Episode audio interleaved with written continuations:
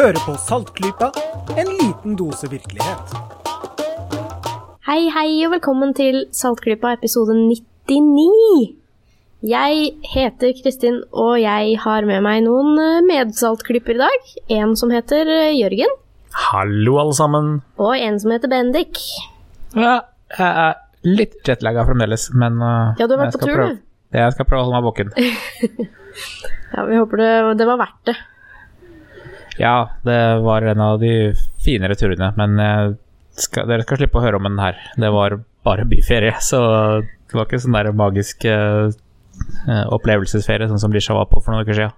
Nei, men man skal jo ikke drive og sammenligne Det er ikke, det er ikke en konkurranse, dette her. Er det ikke? Jeg trodde det ikke var det. Jeg trodde det var det, men Å ja, ok. Da må jeg finne på noe kult i sommer, da. ja. Det skal bør jeg. step up your game, altså. Mm. Det, får, det får vi se på. Vi har eh, et intervju i dag, vi. Uh, Ja. Som vi skal uh, ganske straks komme tilbake til. Men jeg tenkte litt først å minne våre lyttere på at vi er veldig stolte av å ha vår episode nummer 100 ganske snart. Oi, oi, oi. Så den må dere høre på. Definitivt. Den kommer til å bli fullstendig fantastisk og sikkert veldig fjasete. Håper vi. Vi har ikke faktisk spilt den inn ennå, så vi regner med at den blir det. Vi kan faktisk ikke love noe annet enn at den blir veldig saltklypete, kan vi kanskje si. Ja. Jeg tror det blir veldig gøy. Og en annen ting jeg kan eh, minne dere på også, som jeg, jeg, jeg har vel kanskje ikke minnet dere på det så veldig ofte for tiden, det er at eh, vi har jo en masse måter dere kan snakke med oss på. Sånn for å holde kommunikasjonen oppe, for det er jo sånn eh, Det er jo det som gjør en podkast mer levende. Så eh, jeg minner på eh, at dere kan sende oss e-poster hvis dere har noe tips eller eh, syns noe er veldig teit eller veldig kult. Eh, så kan dere sende oss en e-post, f.eks. Den, det heter post at saltklypa.no. Mhm. Vi har også Facebook-side. Kom og lik på den, alle sammen. Lik på Facebook-siden. Og følg oss på Twitter. Hvis dere gidder, så kan dere også følge oss på Google pluss. Jeg vet ikke men uh, vi er der Vi er der òg, Ja, vi er der òg. så vidt. Sånn, av hensyn til de som ikke gidder å face. Uh, Da tror jeg vi skal eh, over på vår lille spesialepisode i dag. Uh, Den 8. mai så hadde skeptikere på puben i Oslo besøk av Aaron Ra. Eh, han er jo en uh, ganske spesiell fyr. Han er, uh, han er en av disse antikreasjonistene i USA. Veldig kjent for sin YouTube-kanal, hvor han har lagd en del gode educating-videoer. Og han kom og snakket for oss på puben. Og i ettertid så fikk vi et intervju med han, det skal vi høre. Men du Jørgen, du, hadde, du møtte han jo tidligere, du. Ja, jeg ble spurt om jeg kunne ta med en runde på Vikingskipshuset. Der har jo jeg jobbet som guide tidligere, så det var jo greit. Så jeg tok med meg babyen min og tok med Aaron Raw og kona på tur. Og så, ja, og så måtte jeg vise dem litt rundt i byen, og så var det et museum de skulle på som var stengt, så de ville gjerne gå i botanisk hage og, og nyte sola, og da tenkte jeg at når vi først er her, så kan jeg ringe brutter'n som jobber på Naturhistorisk, og høre om ikke han har lyst til å lunsje med oss, og det vil han jo. Og så ville han gjerne slippe å gjøre noe annet den dagen, tror jeg, så han tok like godt med seg oss på en runde på Naturhistorisk museum også, så Aaron Raw fikk eh, full rulle omvisning. Ja, Så bra. Det nevner han vel også i intervjuet. Ja. Der, du, eh, du var jo ikke med oss å intervjue han, men eh, jeg regner med at du eh, snakket litt med han om eh, det han driver med også. Ja, det var egentlig litt morsomt å høre intervjuet etterpå, eh, for eh, ganske mye av det vi snakket om, det sa han nærmest ordrett på intervjuet også. Så det aner meg at han eh, er vant til å snakke veldig mye om disse tingene, og har sagt det veldig, veldig mange ganger tidligere. Jeg tror han har en god del innøvde debattpunkter. Ja. Det virket sånn. Og ehm, det vil nok merkes det at han, har, eh, han, er veldig ivrig når han skal svare på spørsmål, så han ender veldig ofte med å kanskje ikke svare 100% på spørsmålet, men fortelle om noe helt annet veldig spennende. Ja, de jeg skal ikke spoile for mye, men ja. Han svarer ofte på et helt annet spørsmål enn det han ble stilt. Ja. Ja, men det er også tydelig at eh, han eh, kommer fra et miljø hvor det går mer i absolutter. Fordi den ene siden er veldig absolutt, og da må man svare med absolutter. Så på spørsmål om gråsoner som kom fra dere som intervjuet ham, så var det helt tydelig at han sleit litt med å forholde seg til det, tror jeg. Ja, det, det var veldig spennende å se den kontrasten mellom, eh, mellom to kulturer, tror jeg kanskje vi kan si. Ja. Eh, mellom, han er jo fra tjukkeste Texas. Eh, og det som annet kommer frem i det intervjuet, skal som sagt ikke spoile så mye, men at det er at eh, vi tror det er ille der borte, men det er faktisk mye, mye verre, ifølge han da. det er Ja. noen ganske hårreisende fakta som kommer frem om f.eks. utdanningssystemet der nede. Um, så det er ganske morsomt. Vi snakker litt om merkelapper. Uh, litt sånn bruken av ordet ateist og humanist og litt sånn forskjellig. Uh, så ja, det, alt i alt Uh, De lengste 20 minuttene vi har snakket noen på, tror jeg. det, ble litt, det ble litt lenger enn det. Ja. Jeg kan også nevne det at Aaron Raw var veldig interessert i å høre tilbakemeldinger på dette intervjuet. Så send oss gjerne en liten beskjed om hva dere syns, eh, så kan vi videreføre det, vi. Hmm. Og så er det en siste ting før vi setter på intervjuet som jeg må nevne, og det er at dette er eh, å bære preg av å være eh, reserveopptaket vårt. uh, ja. ja. Det, vi klarte som vanlig å lage litt tekniske problemer. De var min feil, men skal ikke gå i dybden på de. Hei da. Eh, og vi måtte bruke reserveopptakeren vår, som uh, endte opp med å stå litt for langt unna Ja, så vi har uh, samtalen, og Ja. sto på et bord. Og Aron Ra er veldig glad i å dunke hendene nedi bordet mens han prater, og det hører man ganske godt i dette opptaket her. Nei, det er Jeg har en veldig fin opptaker her, men den, den absorberer sjokk, det gjør den. Eh, Og sender den rett inn i eh, lyd, eh, lydfilen som resulterer. Så Men jeg tror at det går an å høre på. Har, jeg har hørt igjennom, og jeg, jeg skjønte i hvert fall hva som ble sagt. Ja, og Vi prøver i hvert fall å redigere ned lyden akkurat når han dunker i bordet, sånn at dere ikke skal få blåst ut ørene deres. Ellers er det et fint intervju, og Aaron Ra snakker et veldig tydelig og fint språk, så dere skal ikke være redd for å høre på det intervjuet, dere som eventuelt ikke er fullt så sterke i engelsk. Nei. Og det er også et litt, eh, litt annet type tema enn det vi pleier å ta opp her i Saltgruppa. Vi har for, for, for en gangs skyld et litt sånn Altså, vi snakker med noen som er ganske antireligion, altså. Sånn skikkelig. Ikke bare ikke-religiøs, men jobber aktivt mot uh, dens påvirkninger i samfunnet. Men uh, det, er, eh, det er også interessant å få, få det perspektivet. Ja. Hmm. Ja. Så da tror jeg vi bare kjører det intervjuet. Snurr film. Og Kos dere. eh, minner om altså episode 100 neste uke. We are sitting here with Aron Ra. Is that how you say it? It is pronounced Aaron. Yes. So welcome to the podcast. Um, you've just been at Skeptics in the Pub in Oslo. And we thought we'll steal you for the rest of the evening.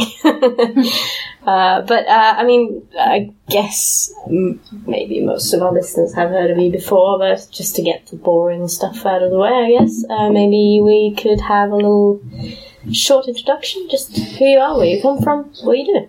All right, I am uh, Texas State Director of American Atheists, and uh, I am an activist in te- primarily in Texas.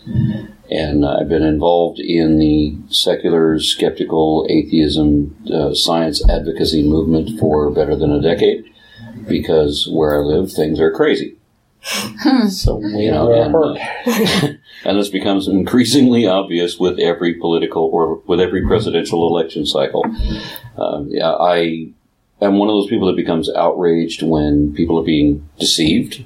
You know, and I think that we have a moral obligation that when you're teaching children that you're supposed to be teaching what is verifiably true, and that if it is not verifiably accurate and you state it as a fact, then that is tantamount to lying. I think that uh, it is inherently dishonest to assert as fact that which is not evidently true, and yet that is what all religions do, so they're not based on truth. And uh, this is my first uh, point of argument with them. Uh, there's a lot of other points that immediately follow that. Uh, my biggest opposition is with the uh, Texas State Board of Education, who are not seemingly but clearly, deliberately determined to usurp and undermine children's education. Uh, in uh, in an ultimate attempt, it would seem, to uh, to to get rid of public education altogether. They want to do uh, charter schools, they want to do religious schools, but they don't want to be, have government funded schools, and they damn sure don't want to have standardized education. One of the board members on the Texas State Board of Education actually wrote in a book that public education was a tool of the devil. And she's on the board of education. Well, I suppose that is like trying to change the system from within rather than assaulting Well- it from the outside. Yeah, but these these people are not personally motivated activists. I mean, the, Yeah. three of these seats, for example, were paid for by a fundamentalist Christian uh, named Ted Leininger, who gave tens of thousands of dollars to elect people for a voluntary position, just so that they could vote as a block, the way that the, the religious right wanted them to vote. And so when they had 160 scientists come in, and, and myself there as well, to testify on behalf of evolution, for example, that it needed to be taught as an actual fact, we had an, a, a deliberate, willfully ignorant and uneducated dentist insisting that somebody had to stand up to experts. Mm-hmm. And he was the chairman of the board, positioned because he had to be the least educated person on the board at that time and I'd already had direct dealings with him personally. So I, I, I was a, I was aware that, I, in my opinion, I thought he was the dimmest bulb in that collection, and yet he was the one that was selected to be the chairman. So that was uh, that, that was overt, right? So these people actually do vote as a block the way that they're told, and they will come up with whatever whatever argument they can to justify their position in a way that seems, at least to me, that they know that what they believe is not really true, and that it doesn't matter what's really true. Whether you believe it matters more than whether it is true. And I got in a, in a debate with one of them. It was actually a public, moderated debate where my uh, opponent admitted, for example, that he knew that there were transitional species in the fossil record, but that he wanted to teach people that there were none, because he said it was important that students believe that there are none.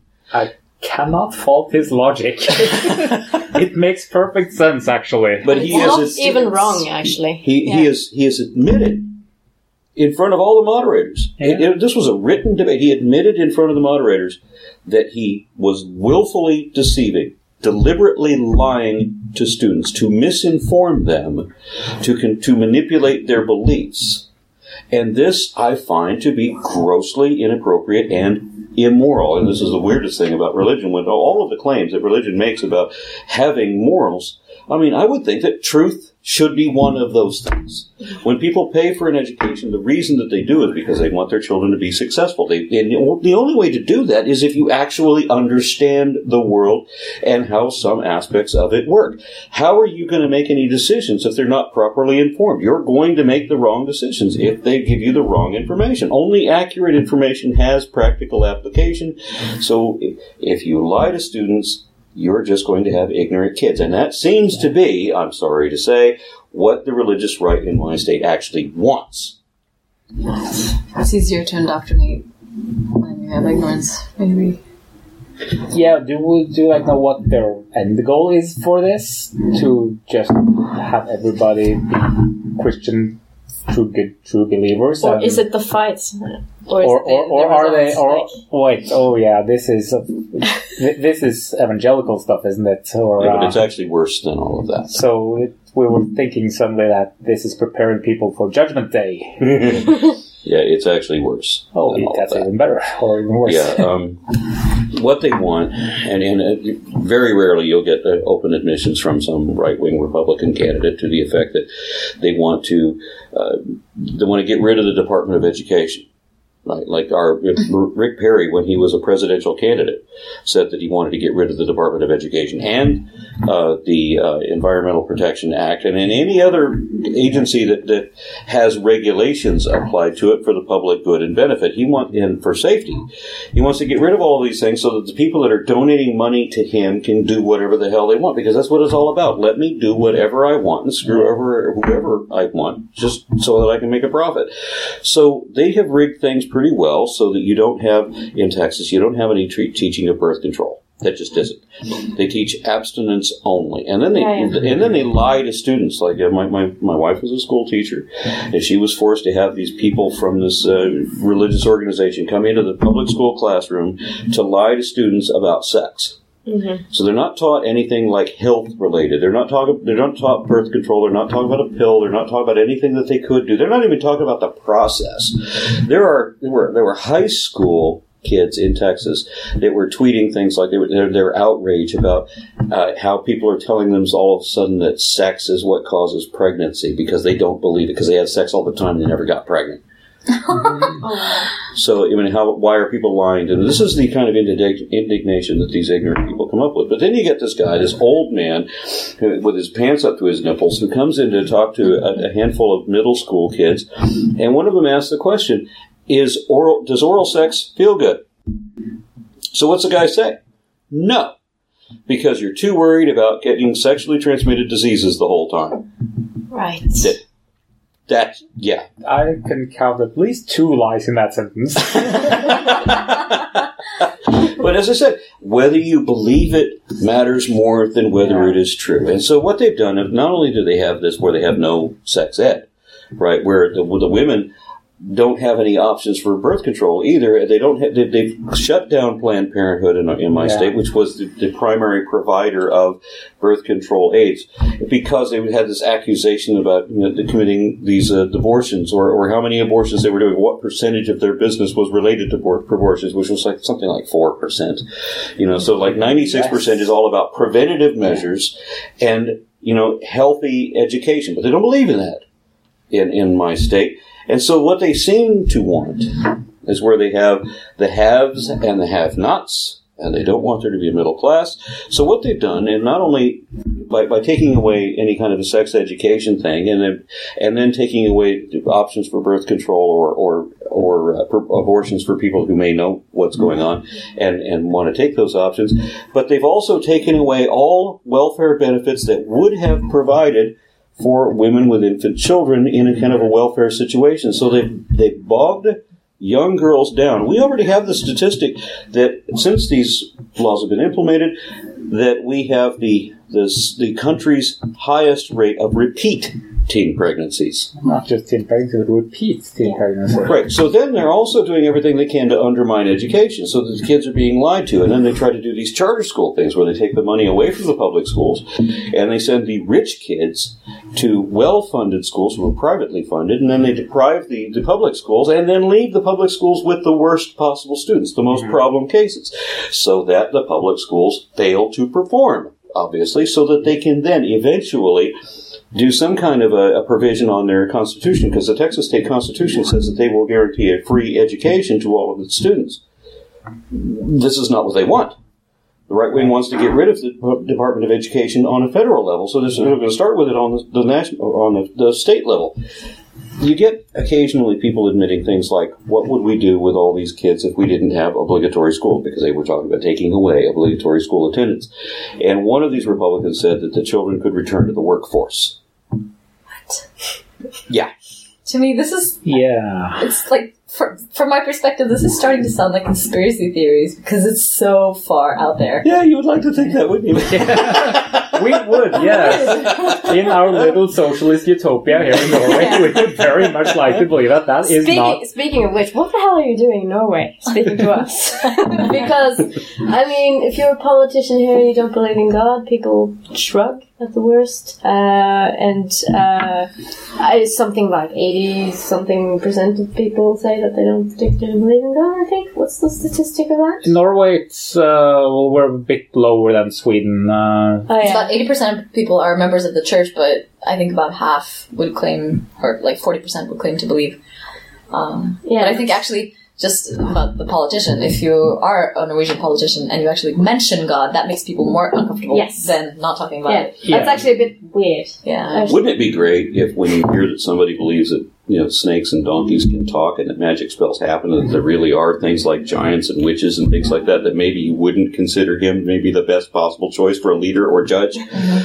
I, I would think that we should probably look at people like that with a raised eyebrow and say you are insane, you're disqualified from the job. Mm-hmm. But unfortunately, we take the stupidest, craziest person and and put them on the ballot.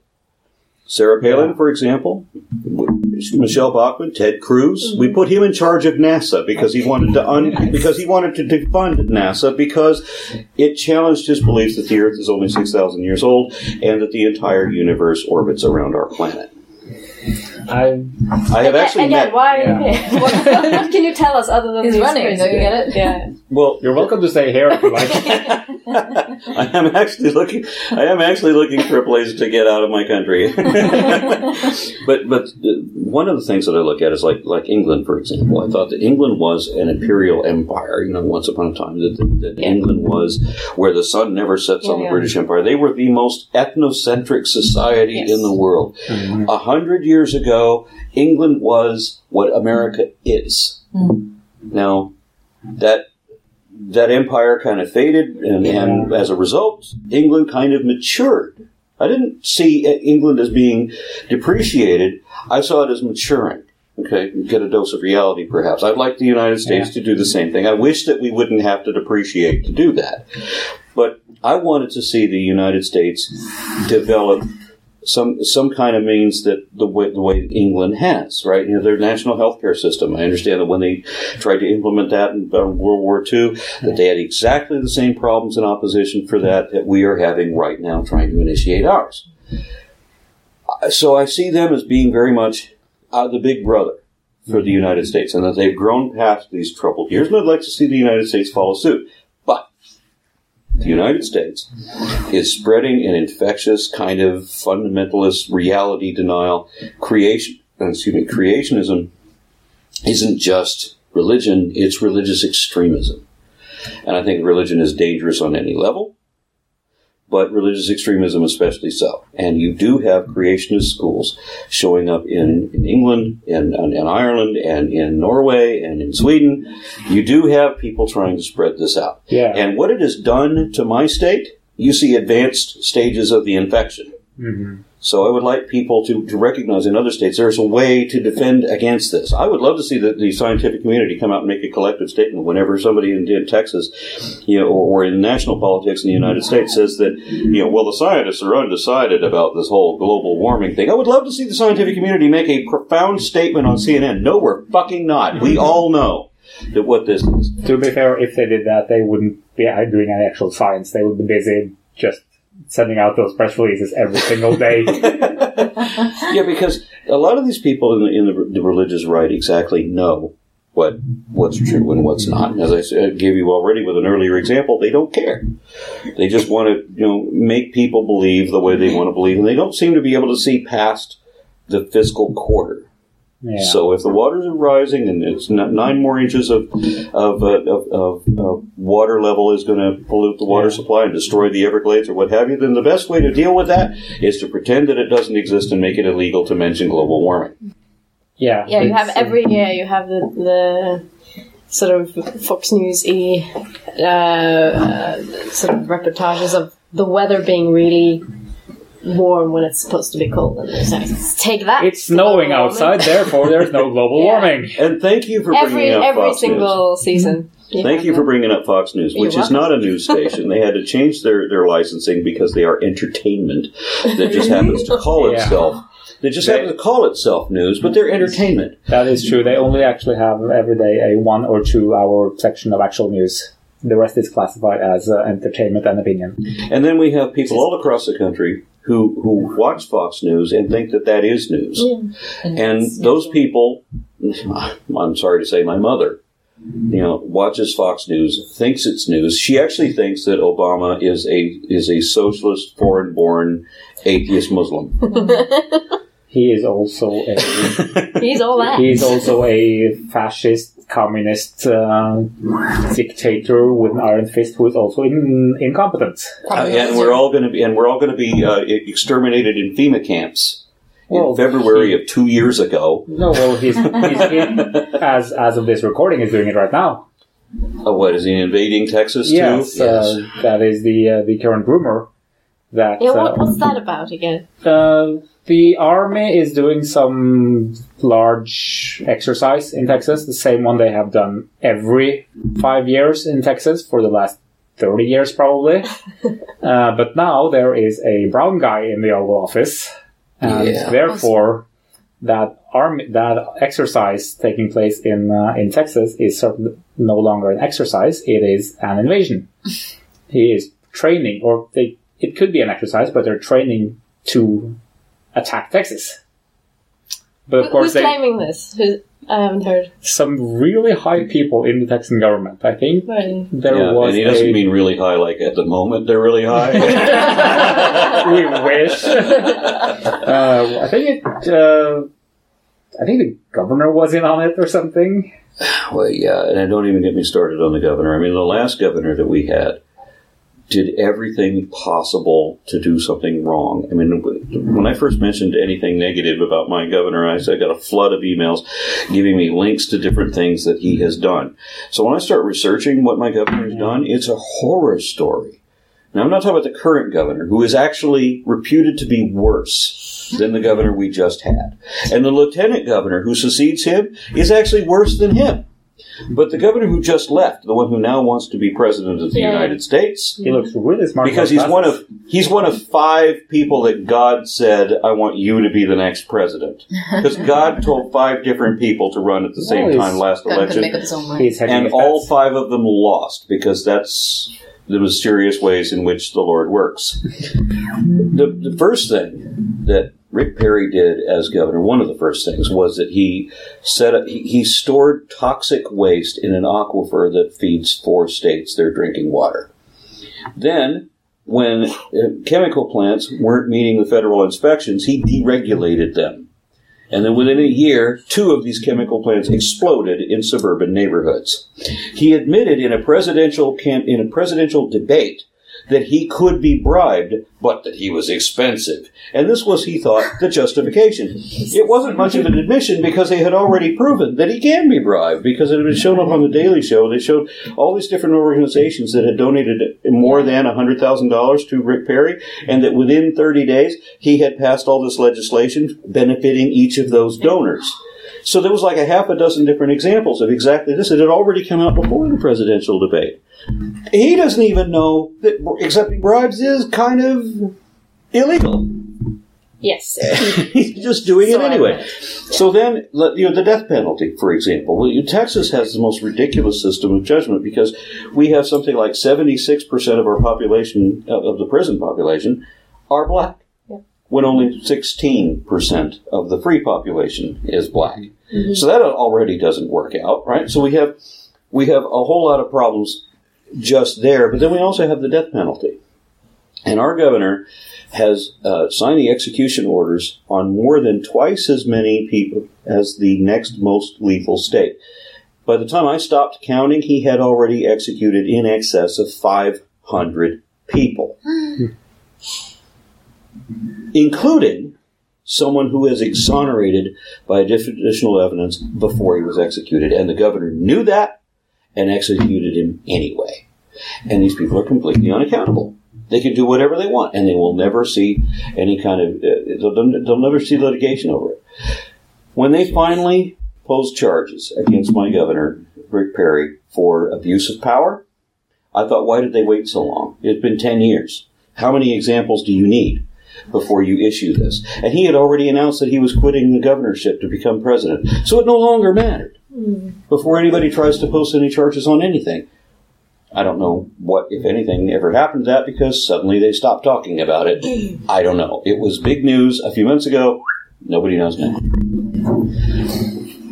All right. I just have a puzzled face right now. I can't quite comprehend all this. It's like I like to think that you know Europeans love to hate on the U.S. for driving SUVs and for for you know being uh, having creationists, having religious fundamentalists at all, and and but every time we try to think deeply about it, we're like, yeah, but it's not that bad. You know, if you go there, it's probably a little bit more nuanced, and they're probably not that dominant. And then you know, you, you know, you have some conversations, you see who's running for president, and end up with this crazy face. Uh, And, and, it, and it just keeps getting worse the more you look into it. Remember when Sarah Palin first got big and she's up on stage, she has what brings over this guy who's uh, some kind of a minister they flew in from Africa and he's giving an endorsement for her. This guy was part of an organization that burned witches, burned children as witches. Yes, I've heard. Okay, so we, we actually have organizations that are still uh, accusing and, and killing or torturing people over witchcraft Yeah. and trying to perform exorcisms. And these are the people that want to be in charge. Logically. I mean, think about it. the way American voters vote is that they, they vote by their religion, they vote by their emotions, they don't have a thought about it. Well, this person is going to make abortion illegal, and that's a moral issue because we need to save babies. And they don't need to examine it any more than that. They don't need to know that even that, that their basic conception is wrong to start with. They don't care about any of the other policies. They don't care about any other track record. They're going to vote as a block on this one point. So it doesn't matter how much better the other candidate is at everything. They're going to vote for this horrible example because of this one platform moment. I had something else, but I forgot it. well, okay. Um, I just had a thought while you were talking about the uh, um, people in Africa hunting child witches. Uh, I know that there are a lot of humanists that work against that in Africa, and you mentioned in your talk today that you like to uh, you, you like the term humanist. Can you can we talk a little bit about like labels and terms and and what, what to call ourselves and All right, as, uh, as a representative of American atheist, I'm part of the uh, Atheist Out program, which means that I was an atheist for 15 years without realizing that I was an atheist because I've been lied to about what an atheist is. An atheist is not an expression of belief. It is. It's an answer to the question about whether the, person making the positive claim has substantiated that claim. Somebody wants to say that there is a God. My position is, uh, what reason do I have to believe that? I have no reason to believe that. I don't believe that. It doesn't mean that I know that there's no God, nor do I need to say so. So, what is a God? A God, as I mentioned before, a God is a magical, anthropomorphic immortal, which is the most ridiculous and preposterous excuse people have ever come up to explain anything. It's basically magic. It's when people imagine if I, if I manufacture something out of clay, if I shape it to look like an animal, wouldn't it be nice if I could make that animal come alive? Well, somebody else says, well, maybe there is somebody that can make that come alive. And somebody else says, well, maybe that was us. And somebody made us come alive. And that's where it comes from. And there's not an element of truth in it. That's an important statement. There is no truth in any religious claim because there's nothing any religion can actually say that they that can actually show is really correct. When, when they argue against evolution, it's so easy to show that they're wrong. So easy to show the facts of evolution. Yes, there are transitional species. Yes, there are beneficial mutations. Yes, evolution has macro evolution has been directly observed, not just micro, macro. We have everything we need to individually vindicate every claim about evolution. Now, what do you have to, to vindicate or support creationism? Well, uh, uh, you can't explain this, or logical fallacies, or I don't want to believe you. Whatever nonsense they come up with. So religion is this desperate list of excuses, unsupported by anything, and also with a whole lot of fraud and inhumanity behind it. And every time religion gets rule over law, the result has always been an automatic violation of human rights. So I consider it collectively dangerous and something we should resist for every possible reason, because religion, as as it strikes me, has um, always only ever been a retardant to human progress in every application that it has touched. What do you think about the other labels, if you want to discuss, for instance, agnostic or humanist or any of the other? There are not atheists, but still, you know, have a rational view of life. The Gnostics originally were somebody that that professed knowledge because they believe something. They believe it is true, therefore they know it is true. Right? Well, it, it's what Huxley wanted to present was that an agnostic was somebody that didn't know. Right? Well, he, he's not really understanding what it was that he was arguing for. Because what he's really talking about is whether you are convinced that a God actually exists. And you have to really think about what a God is. Really analyze what does it mean to be a God? What qualifies as a God and what doesn't? So you are either convinced or you're not convinced. There's not a middle ground. The people who are not convinced don't know because if you can, you you don't know it if you can't show it. So there has to be some kind of evidence to to award the conclusion. If you remember that the, the burden of proof is on the one making the positive claim. So you propose that there is a God, someone else proposes that there is not a God right? Well, as Carl Sagan said, the positive claims require positive evidence. And as Christopher Hitchens said, you know, claims that are made in lieu of evidence, and I, know I'm bastardizing this quote, um, that which is supported without evidence can be dismissed. without evidence. So you don't have to make a knowledge statement. You just acknowledge that the other person hasn't been able to support their statement. It is not, atheism is not an expression of knowledge. It, it is simply a lack of theism. You are not convinced. And you can't be, as so many of my friends want to be, they want to deny that label because they hate that label so much because they've been trained to. So I'm, I'm not convinced there's a God, but I'm not convinced there's not a God either. Well, that's still atheist. There- we- I can, I can bring this back to where we were earlier in that in Norway, we generally don't speak about religion in public. It's a private matter. It's a private matter. In fact, our word for being a belie- a practicing Christian is to be a personal Christian. That's what we call it. Yeah. Uh, in Or you say, I'm, I'm Christian personally. yeah. Um, That's weird. I've never, heard that statement No, so before. so you never find people. You rarely. It's only the small sects and things like that who will stand on the soapbox in the street and preach or go door to door or talk about it at all. It's it's a private matter here in Norway. And That means they also generally don't go to church, but they, like, maybe they talk to God um, when Yeah, they go to that so- every night.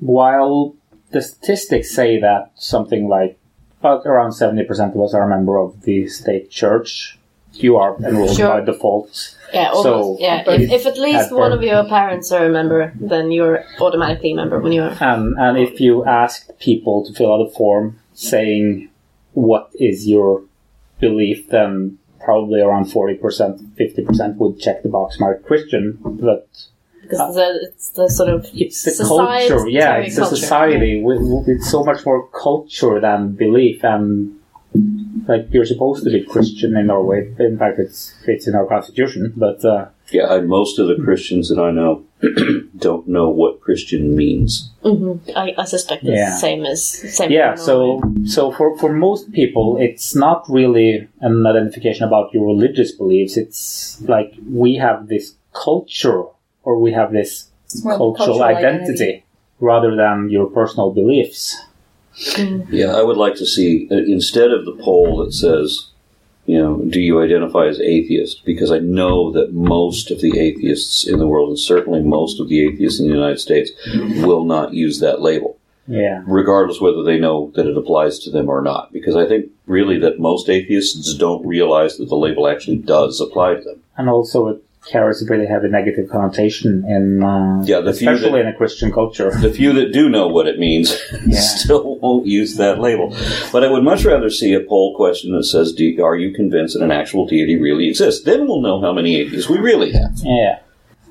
It reminds me of uh, of a book, uh, Society Without God by Phil Zuckerman, I think, where he travels around Scandinavia and talks to people about what it's like to be in a truly secular society or more secular society than than what he's used to. And I remember a passage where I think it's on a train in Denmark, and just by chance he strikes up a conversation with the woman sitting across from uh, him, and he just asks, like, "Do you believe in God?" And she's like, sitting there, sitting there for like thirty seconds before she answers, "I don't know." no one had ever asked that. Nobody's really ever asked me that before.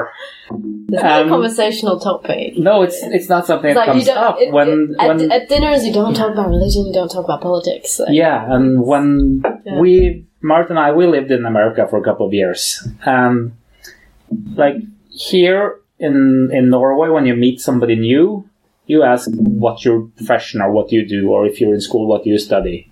In America, when you met somebody new, the first question they asked in order to get to know you was, "Which church do you go to?" Really? I don't remember that from elementary school, but uh, but I know that like from the friends of the family and stuff that we met, they were all quite religious. Yeah.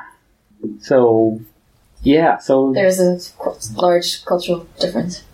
Um, uh, I just want to ask you uh, something completely unrelated to all the interesting things that we have so far been talking about. Not to say that this will be less interesting, but um, so you're here and you're par- you're sort of on a European tour now right now. How many countries are you visiting? And have you visited? We're in Australia too. Yeah, we yeah we, we did the South Pacific tour uh, which is what I called it because uh, it, we, it was the unholy trinity with uh, Matt Dillahunty, Seth Andrews, and myself. Uh, and together we performed in Sydney, Brisbane, and Melbourne. Uh, however, Matt Dillahunty and I also went to uh, New Zealand and to Perth uh, and spoke there as well.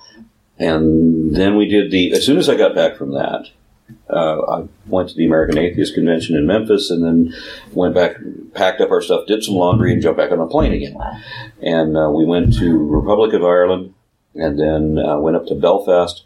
Fascinating conversations. You want to talk about some people that who religion has fucked up? yeah, and then we went from there to uh, QED. I was on a couple of panels at QED in Manchester, and then uh, spoke in Plymouth, and then in London, and then we went over to uh, Utrecht in uh, in the Netherlands. And I try to say that right, but being Texan, I can't pronounce anything correctly. Um, It's close. and then uh, we went to uh, uh, Edinburgh and Glasgow, and uh, of course uh, now here in Oslo. And then from here, uh, well, once we, we leave Norway, we'll go to, to Iceland, and then I'm supposed to speak in for the Center of Inquiry, Center for Inquiry in Manhattan before I fly back to Texas. Then as soon as we get back. We've got a week and a half before we're supposed to do the last performance of the Unholy Trinity at Imagine No Religion 5 in Vancouver, Canada. So it'll be 10 countries in 30 days. It's quite a trip. And you're, go- and you're going to hell too, aren't you? And I'm going to hell. Yeah. Literally going to hell. Yep, there's a special place reserved for me in hell. I don't know because I paid for it. And while you were here in uh, Norway, you you visited the um, Viking Ship Museum and the Natural History Museum. Spectacular point about that was that I had a private guide for both venues. Yeah. And they're brothers. They're like identical twins. And there was two re- two museums Yeah. I wanted to go to. I wanted to go to the Viking Ship Museum, and there's this guy that used to work there that knew all about it. That took that even though he doesn't work there anymore, made a special tour just for me. He, uh, Fun I- fact, he's one of our podcast colleagues. So Actually, he is actually And I, member of his I can't yeah. remember his full name. I can remember Jorgen. yes. I think that's what I got, and I was afraid to say it because I was afraid I was going to say it wrong. But then it takes us to the, the Natural History Museum, and it's his brother that's running that. So I'm like, Yeah. I get like these identical twins. It's the two museums that I wanted to see. How cool was that? And then we got another private tour when he's he's explaining every one of the exhibits as we go by. And that was that was a pretty good thing, and I thought it was uh, unique. You had mentioned uh, uh, asked me before about the labels. You mentioned atheism. You mentioned agnostics, but you didn't mention humanist. Or I I Yeah, didn't yeah, answer about humanist. Atheism doesn't mean anything positive. Okay, it, it means the negative thing. It means that you don't believe in a Yes. God. It has no positive connotation to it. Being atheist does not mean that you're scientifically illiterate. It doesn't mean that you're a skeptic. It doesn't mean that you have any of these lofty ideals that people look at when when look at someone like uh, Neil deGrasse Tyson or Carl Sagan or or even you know some of the richest men like Bill Gates or William Buffett, both of them atheists, you know, who make these huge uh, donations for charities, disproving the Bible again when the Bible said that there's not one of them who does any good. How many times do we need to prove the Bible wrong before people start realizing, hey, you know, this is fucked up? But the, the positive aspect, and I have to bring this up, you know, I know atheists who believe in homeopathy, who believe in spiritual healing. They don't believe in a God, but they believe in spirits, and they believe in, in alien visitors, you know, being you know, reptiles in disguise, you know, running our government, uh, uh, and Ouija boards and herbalism and every ridiculous kind of woo, right up to include, right up to and including unicorns. Okay. Oh wow, that's I mean, I know people, again, chiropractor and all of that stuff. They believe it all. What you should be, what I would like people to be, I don't want people to believe anything without question. I, it's not that somebody adopts the label that I necessarily care about. You know, I would like, if somebody's going to you know, lump themselves along with me because they use that label, I would rather they use a few more of the labels that I, that I employ. I want you to be a skeptic. I don't want you to believe ridiculous nonsense for no reason. I certainly don't want you to believe anything on faith. And the other label that applies to that is apistevist. And apistevist is someone who does not believe anything on faith because faith is the most dishonest position it is possible to have. Mm-hmm. And for anybody that, that doesn't understand that, let me express one, it is dishonest to assert as fact that which is not evidently true. That's the first tenet of religion. Mm-hmm. Secondly, all faith uh, faith-based organizations have a statement of faith, in which they express. And, one, and this is especially true in like creationist organizations where they have the statement of faith admitting in one way or another that they will never admit when they're wrong.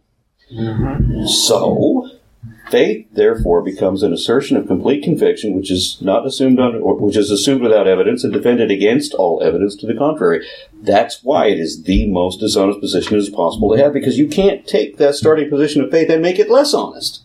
You've reached the bottom. If you have any truth to it at all, it would have to work against faith. In order to determine whether something is true, it requires that you go against faith. So I want people to be epistles. I want people to reject faith, the very concept of it. But then it's not enough to be scientifically literate, and it's not enough to be skeptical, and it's not enough that you denounce faith. I want people to be humanist. I want people to care about other people. When people tell you that if it wasn't for their belief in God, then they'd be out raping and killing people, fortunately, they're lying. Because what we consistently see with people like in the Clergy Project, for example, when, when ministers no longer buy their own bullshit, what they find instead is that they find themselves, once they've rejected the religious belief, they actually find that they start voting more liberally and they become more tolerant. You actually get better almost consistently across the board, except for people that, that, like one, maybe two people that I've ever talked to that have, that have professed that they have some kind of a, a disorder, a, a chemical condition, or a mental disorder, whatever it is. And these are people that admit this to me, not not me making judgments get other people. But apart from this one or maybe two exceptions, everybody gets better when they walk away from religion. When Oprah Winfrey says that we can't experience awe or wonder, she has no idea what awe or wonder is, and she's never watched an episode of Cosmos. Probably not. Yeah. That's, that's, that's interesting because uh, I want to ask what you think about this because Norway obviously has a state church. Uh, and it seems that maybe, like, that's the kind of well, the reason people are so largely non-believing in this country is because they have a state that's just lurking in the background and uh, Yeah, they don't really care about it. Uh, would you prefer a small, very small number of maybe influential fundamentalists in a society, or a larger number of sort of cultural Christians, if you will? What do you think is best for a Okay, society? when when people start telling me that they believe that anybody deserves to be punished at all, period, for any reason because of what they believe, not what they do, but what they believe, there's already a problem. And Christianity maintains that. Okay, it doesn't matter how many evil things you do. Every sin can be forgiven if you but believe except for one. There's only one thing that cannot be forgiven, and that's the sin of disbelief. If you blaspheme against the Holy Spirit, that is the one sin that cannot be forgiven. And it doesn't matter if you are a good and saintly person all your life and you're charitable to everyone. It doesn't matter how sweet a human being you are. If you don't buy impossible nonsense for no good reason, you're going to hell. So, the only criteria for redemption has nothing to do with how good or moral you are. It's all about gullibility. Are you stupid enough to believe impossible nonsense for no good reason? So there's already a problem. We can we can take away Christi- we can take away the creationism, right? Forget about the talking snakes and donkeys and the magic mm-hmm. spells and all of that other nonsense. Look at the core of what Christianity holds. You have to believe this story. You have to believe that Jesus is the Savior, and He's going to save you from Himself. Yes. And whether you're a creationist or not, somehow, somehow Christians who are not creationists still have some justification in there because they think that it's about whether they're good person. Mm-hmm. They don't read their own mythology. There's nothing in there about being good. And it's not family oriented either. Why is it that every Christian organization says that they're family oriented? Jesus wasn't family oriented. He said if you don't if you don't hate your own brother, you can't be my disciple. That you have to give up your family. That he was here to separate wives from their husbands and children from their parents, and that you had to forsake everyone you loved and pick up your cross to follow him. This is not family oriented. And it's not about what, what other people say, well, I don't want to go down to the down to hell with the devil. Well, no, the devil's not in hell. It's Jesus in Revelations who says that he's going to be the one who is crushing the unbelievers in the bloody winepress. Not the sinners, the unbelievers, which essentially is the same thing.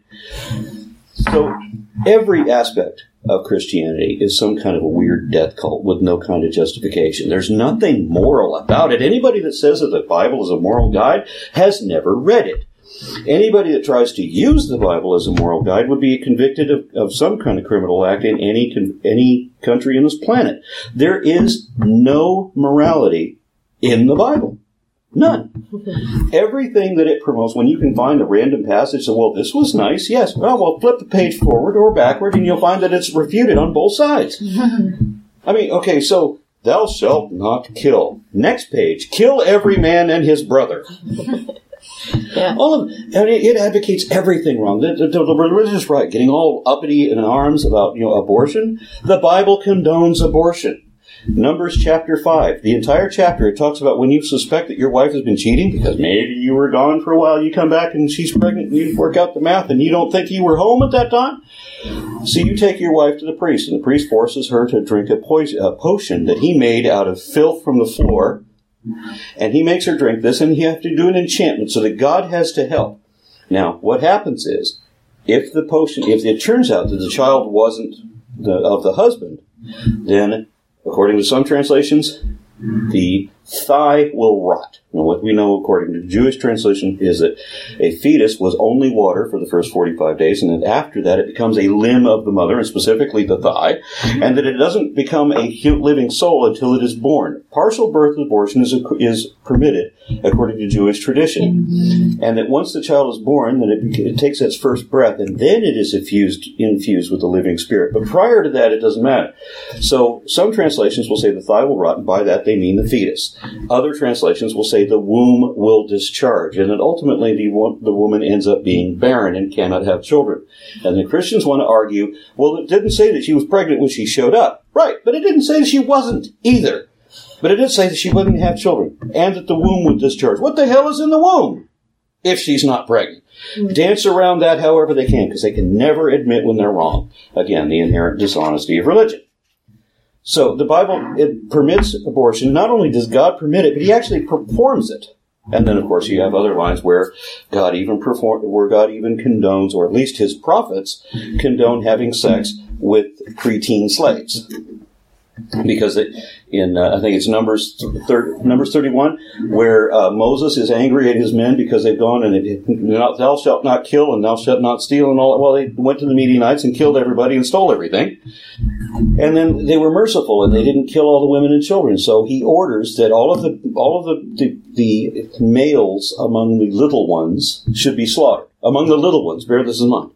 The males among the little ones. So the girls among the little ones are left alive. Then the mothers have to be killed right in front of their daughters. So the mothers have already seen their sons killed, and now the daughters see the mothers killed, and now the daughters are taken into slavery because Moses says, But the girls among the little ones you can keep for yourselves. Mm-hmm. Nice. And the priests want to say that this is not for immoral purposes because for some reason having sex is immoral, but murdering people and stealing all their goods is not. Why that is, I don't know. But the implication is clear. You're supposed to take the, and you're also supposed to check the females among the little ones, which according to the Jewish tradition, again, you have the division between when a woman is a girl or whether she's, a, is it the bat mitzvah, or is it like 12 or 13? Yeah. So we are talking about preteen kids. You're supposed to check them to see if they have ever known a man by lying with him. So we're checking preteen girls for their virginity because apparently that was promoted or endorsed in some Talmudic references too.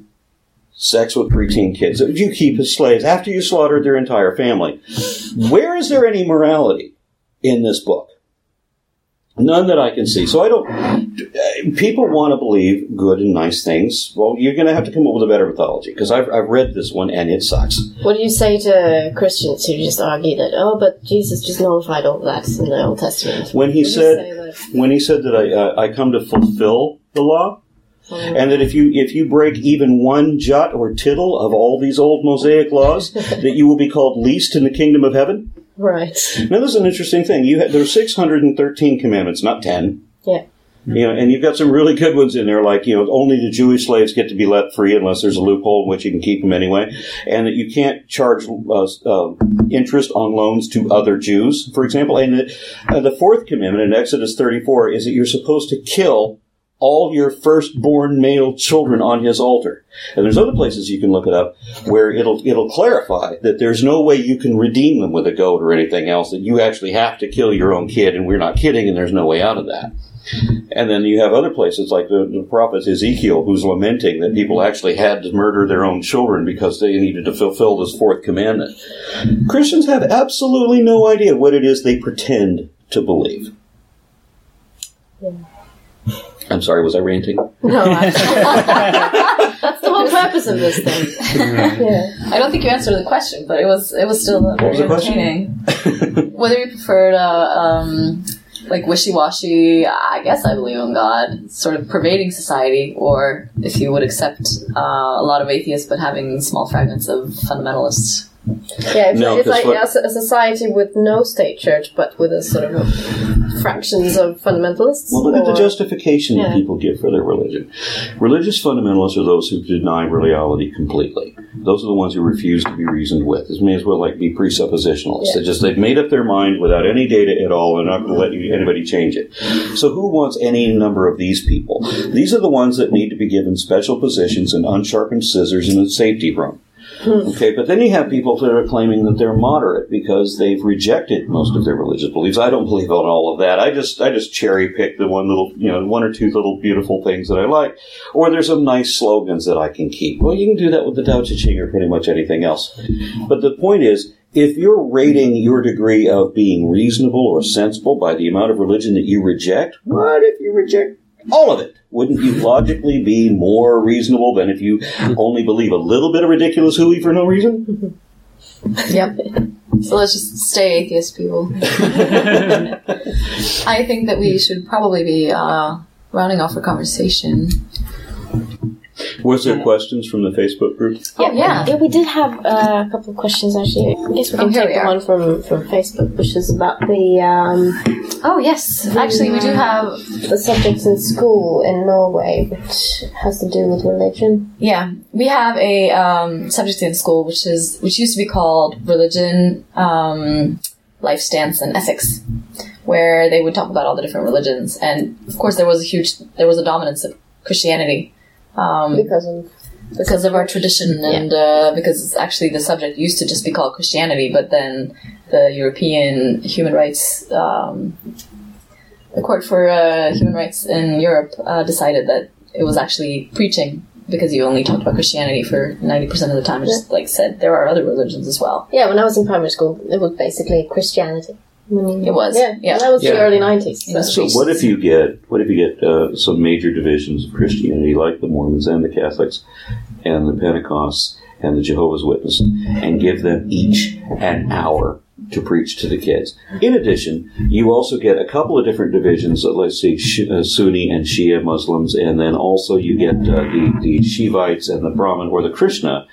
And give them an hour each, and then give some Asatru or somebody like that, or the neo pagans, and have them. Then go ahead and bring in the people that think that the aliens from the Sirius star system, that are the reptiles that are inhuman guys, let's have them come in and talk to these people too. Or you can just go with the standard religions, including, uh, let's say, the Chinese traditional spiritualism or the ancestor worship, something like that. Have each one of these people get equal time to really sell it. That's their whole purpose. You have the leader of this religious group. You get an hour to talk to the class. You're going to sell them on their religion. You're not talking about what those other people believe. Because I've learned a long time ago, you, if you want to know what the Hindus believe, don't ask a Baptist. It's a good idea. It's actually quite interesting though because uh, the subject that has been um, for the past few years, it's been a lot more neutral. I guess there's probably been like twenty percent, thirty percent Christianity, and now there's a suggestion from a religious party, which is in the government, that it should be fifty-five percent Christianity, and it has and then the rest- been. then the rest should be the rest Yeah. of the religions. And I think that the way that it was structured earlier, it was it was good because people got to see like, okay, so I mean, it might be sort of dry and objective information, and you didn't get like fiery brimstone lectures from from different religions, but still, you learn that you know different people think about things in different ways, and you sort of get inoculated. You, you see that even though my parents believe this, my neighbor believes that, and other people again believe this, and it's a, sort of a good critical thinking exercise. Mm-hmm. But now they're gonna just sort of by amount squeeze more Christianity into it. Do you think that sort of subjects that that teach about religion like that. Um, you guys don't have anything like that, do you? no. yeah, when, Weirdly enough. yeah, when they were teaching us a mythology in high school, uh, we were taught Greek mythology and Roman mythology, even though they were almost the same thing. And then we were also taught Norse mythology, and it stopped there. Yeah. There's a hell of a lot of other forms of mythology, including Egyptian and Sumerian and a few others. And I asked one of the teachers, why why are you duplicating the Greek and Roman? I mean, it's practically the same thing. Why don't we don't Why don't we talk about Egyptian or Sumerian or something like that? And she said that uh, we couldn't teach those things because they were controversial. And I got confused as to how mythology could be controversial until I grew up and I read these mythologies for myself, and then I saw the sudden parallels to where the more recent adaptation of Christianity had obviously borrowed all these elements from these other myths, or like where Genesis had borrowed all these other myths. Because there are a lot of Christians that think that Genesis is the oldest book ever written. They don't realize that biblical scholars put Genesis at somewhere around the fourth century, right, uh, from Babylonian priests from the time of Ezra, and that the, the oldest book I think that, that they admit to is uh, is the book of Job, and that nothing in the Bible is is even fifteen hundred years old or older, and the Bhagavad Gita is centuries older than the Bible is. So it would be a really good thing to sh- to do a comparative religious study. And while we're talking about having everybody come in to give their different religious perspectives, let's if they want to call us uh, want to call atheism a religious position, fine. Have one of our advocates come in there and tell and promote the atheist position because I, I think that's worthy. That to have somebody come in there and say, you know what, you don't have to believe any of this nonsense. If all of it sounds stupid to you, that's good.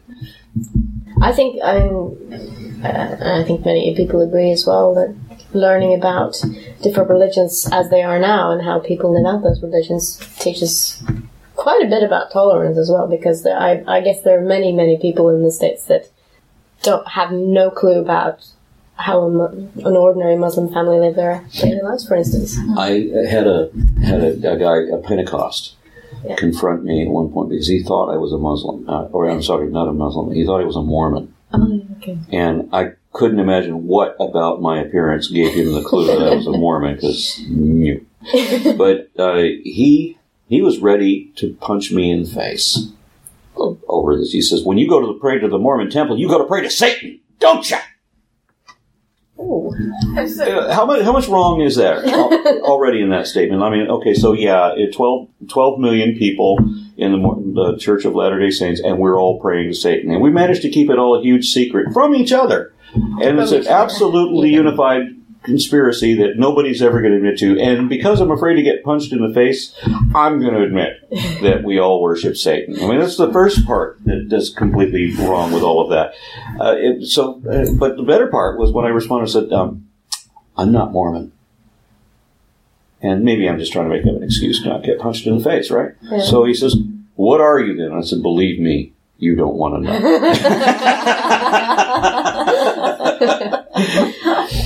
Did your eyes glow red?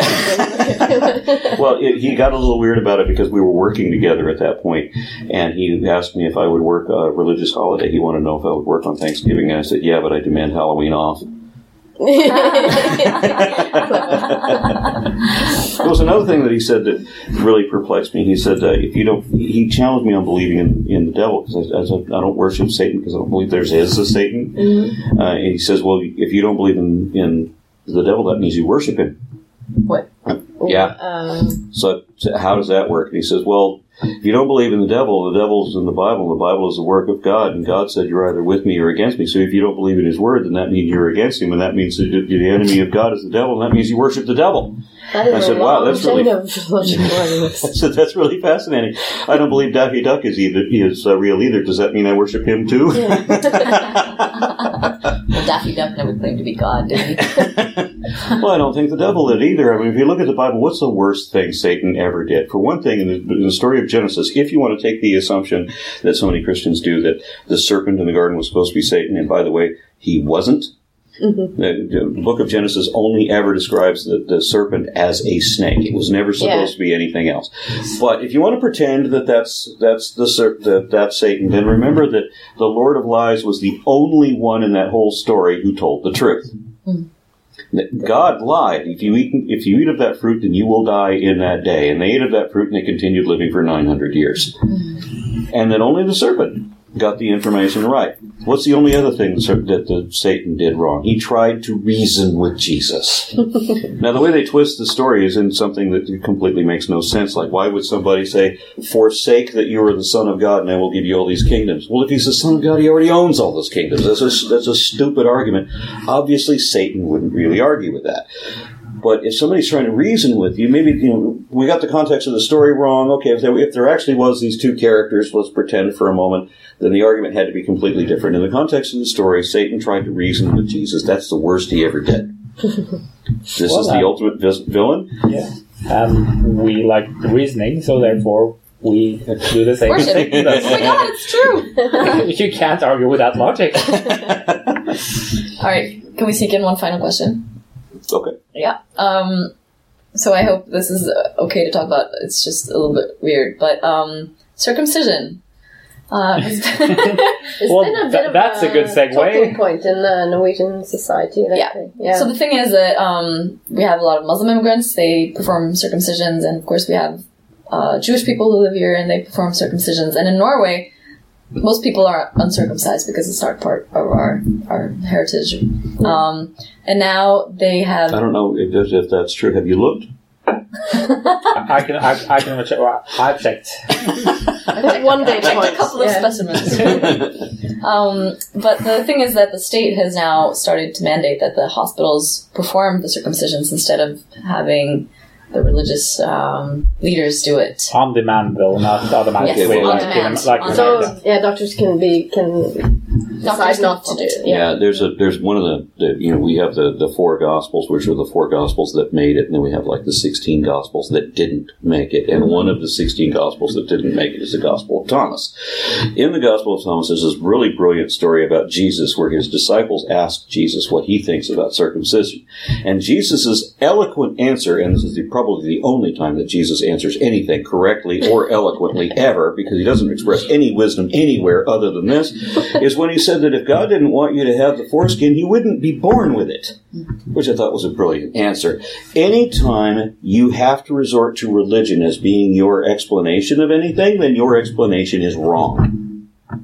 And when you're circumcising boys, there maybe there isn't a huge detriment later in life to this as, as there is for girls.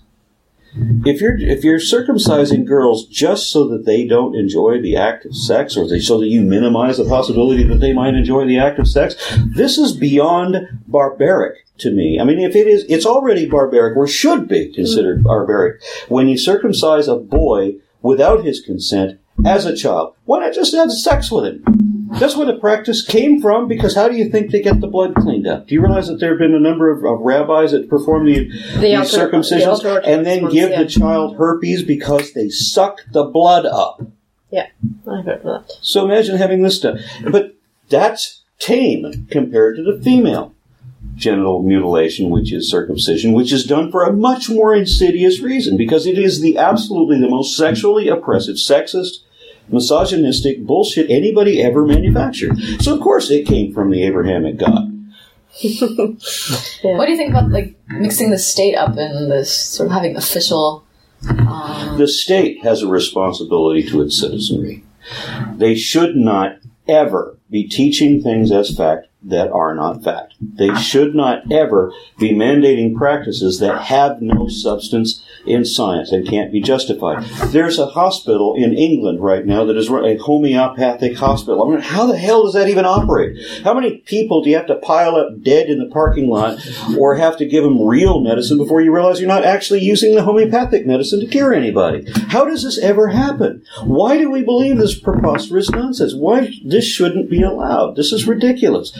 Religious reasons, as I said, are just wrong. If you want to go perform religious barbarism, go someplace where that is still done. But in in a in a advanced society, this should not be permitted. This should be something that should be considered illegal and abuse of children, hmm. which generally, I, because I'm anti-theist, I will express this is my opinion. Religion is child abuse, not just physical it's emotionally damaging across the board. It's causing people, it's depriving them of their ability to think rationally and critically and figure out what is true and what isn't.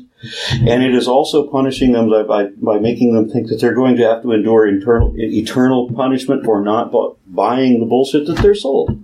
There's everything evil about it and not any good benefit from it. I think actually we have just come full circle in talking about having like justified beliefs and, and and what the state and politicians should be able to claim. Yeah. So I think we will thank you very much for your time Yeah. and uh, take you back to the pub. Yeah, absolutely. Time for more beer. Yeah, you can't do that or I'll just talk too much.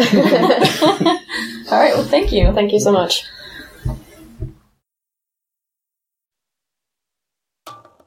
Saltklypa lages av Kristin Lisha, Jørgen og Bendik. Har du spørsmål, anbefalinger, ris eller ros, send det til post at saltklypa.no, eller finn oss på Facebook. Lenker til alt vi har snakket om i episoden finner du på saltklypa.no, hvor du også kan abonnere på podkasten for å få hver episode levert på døra helt gratis. Takk til Smart 9000 fra Evig poesi som har laget kjenningsmelodien.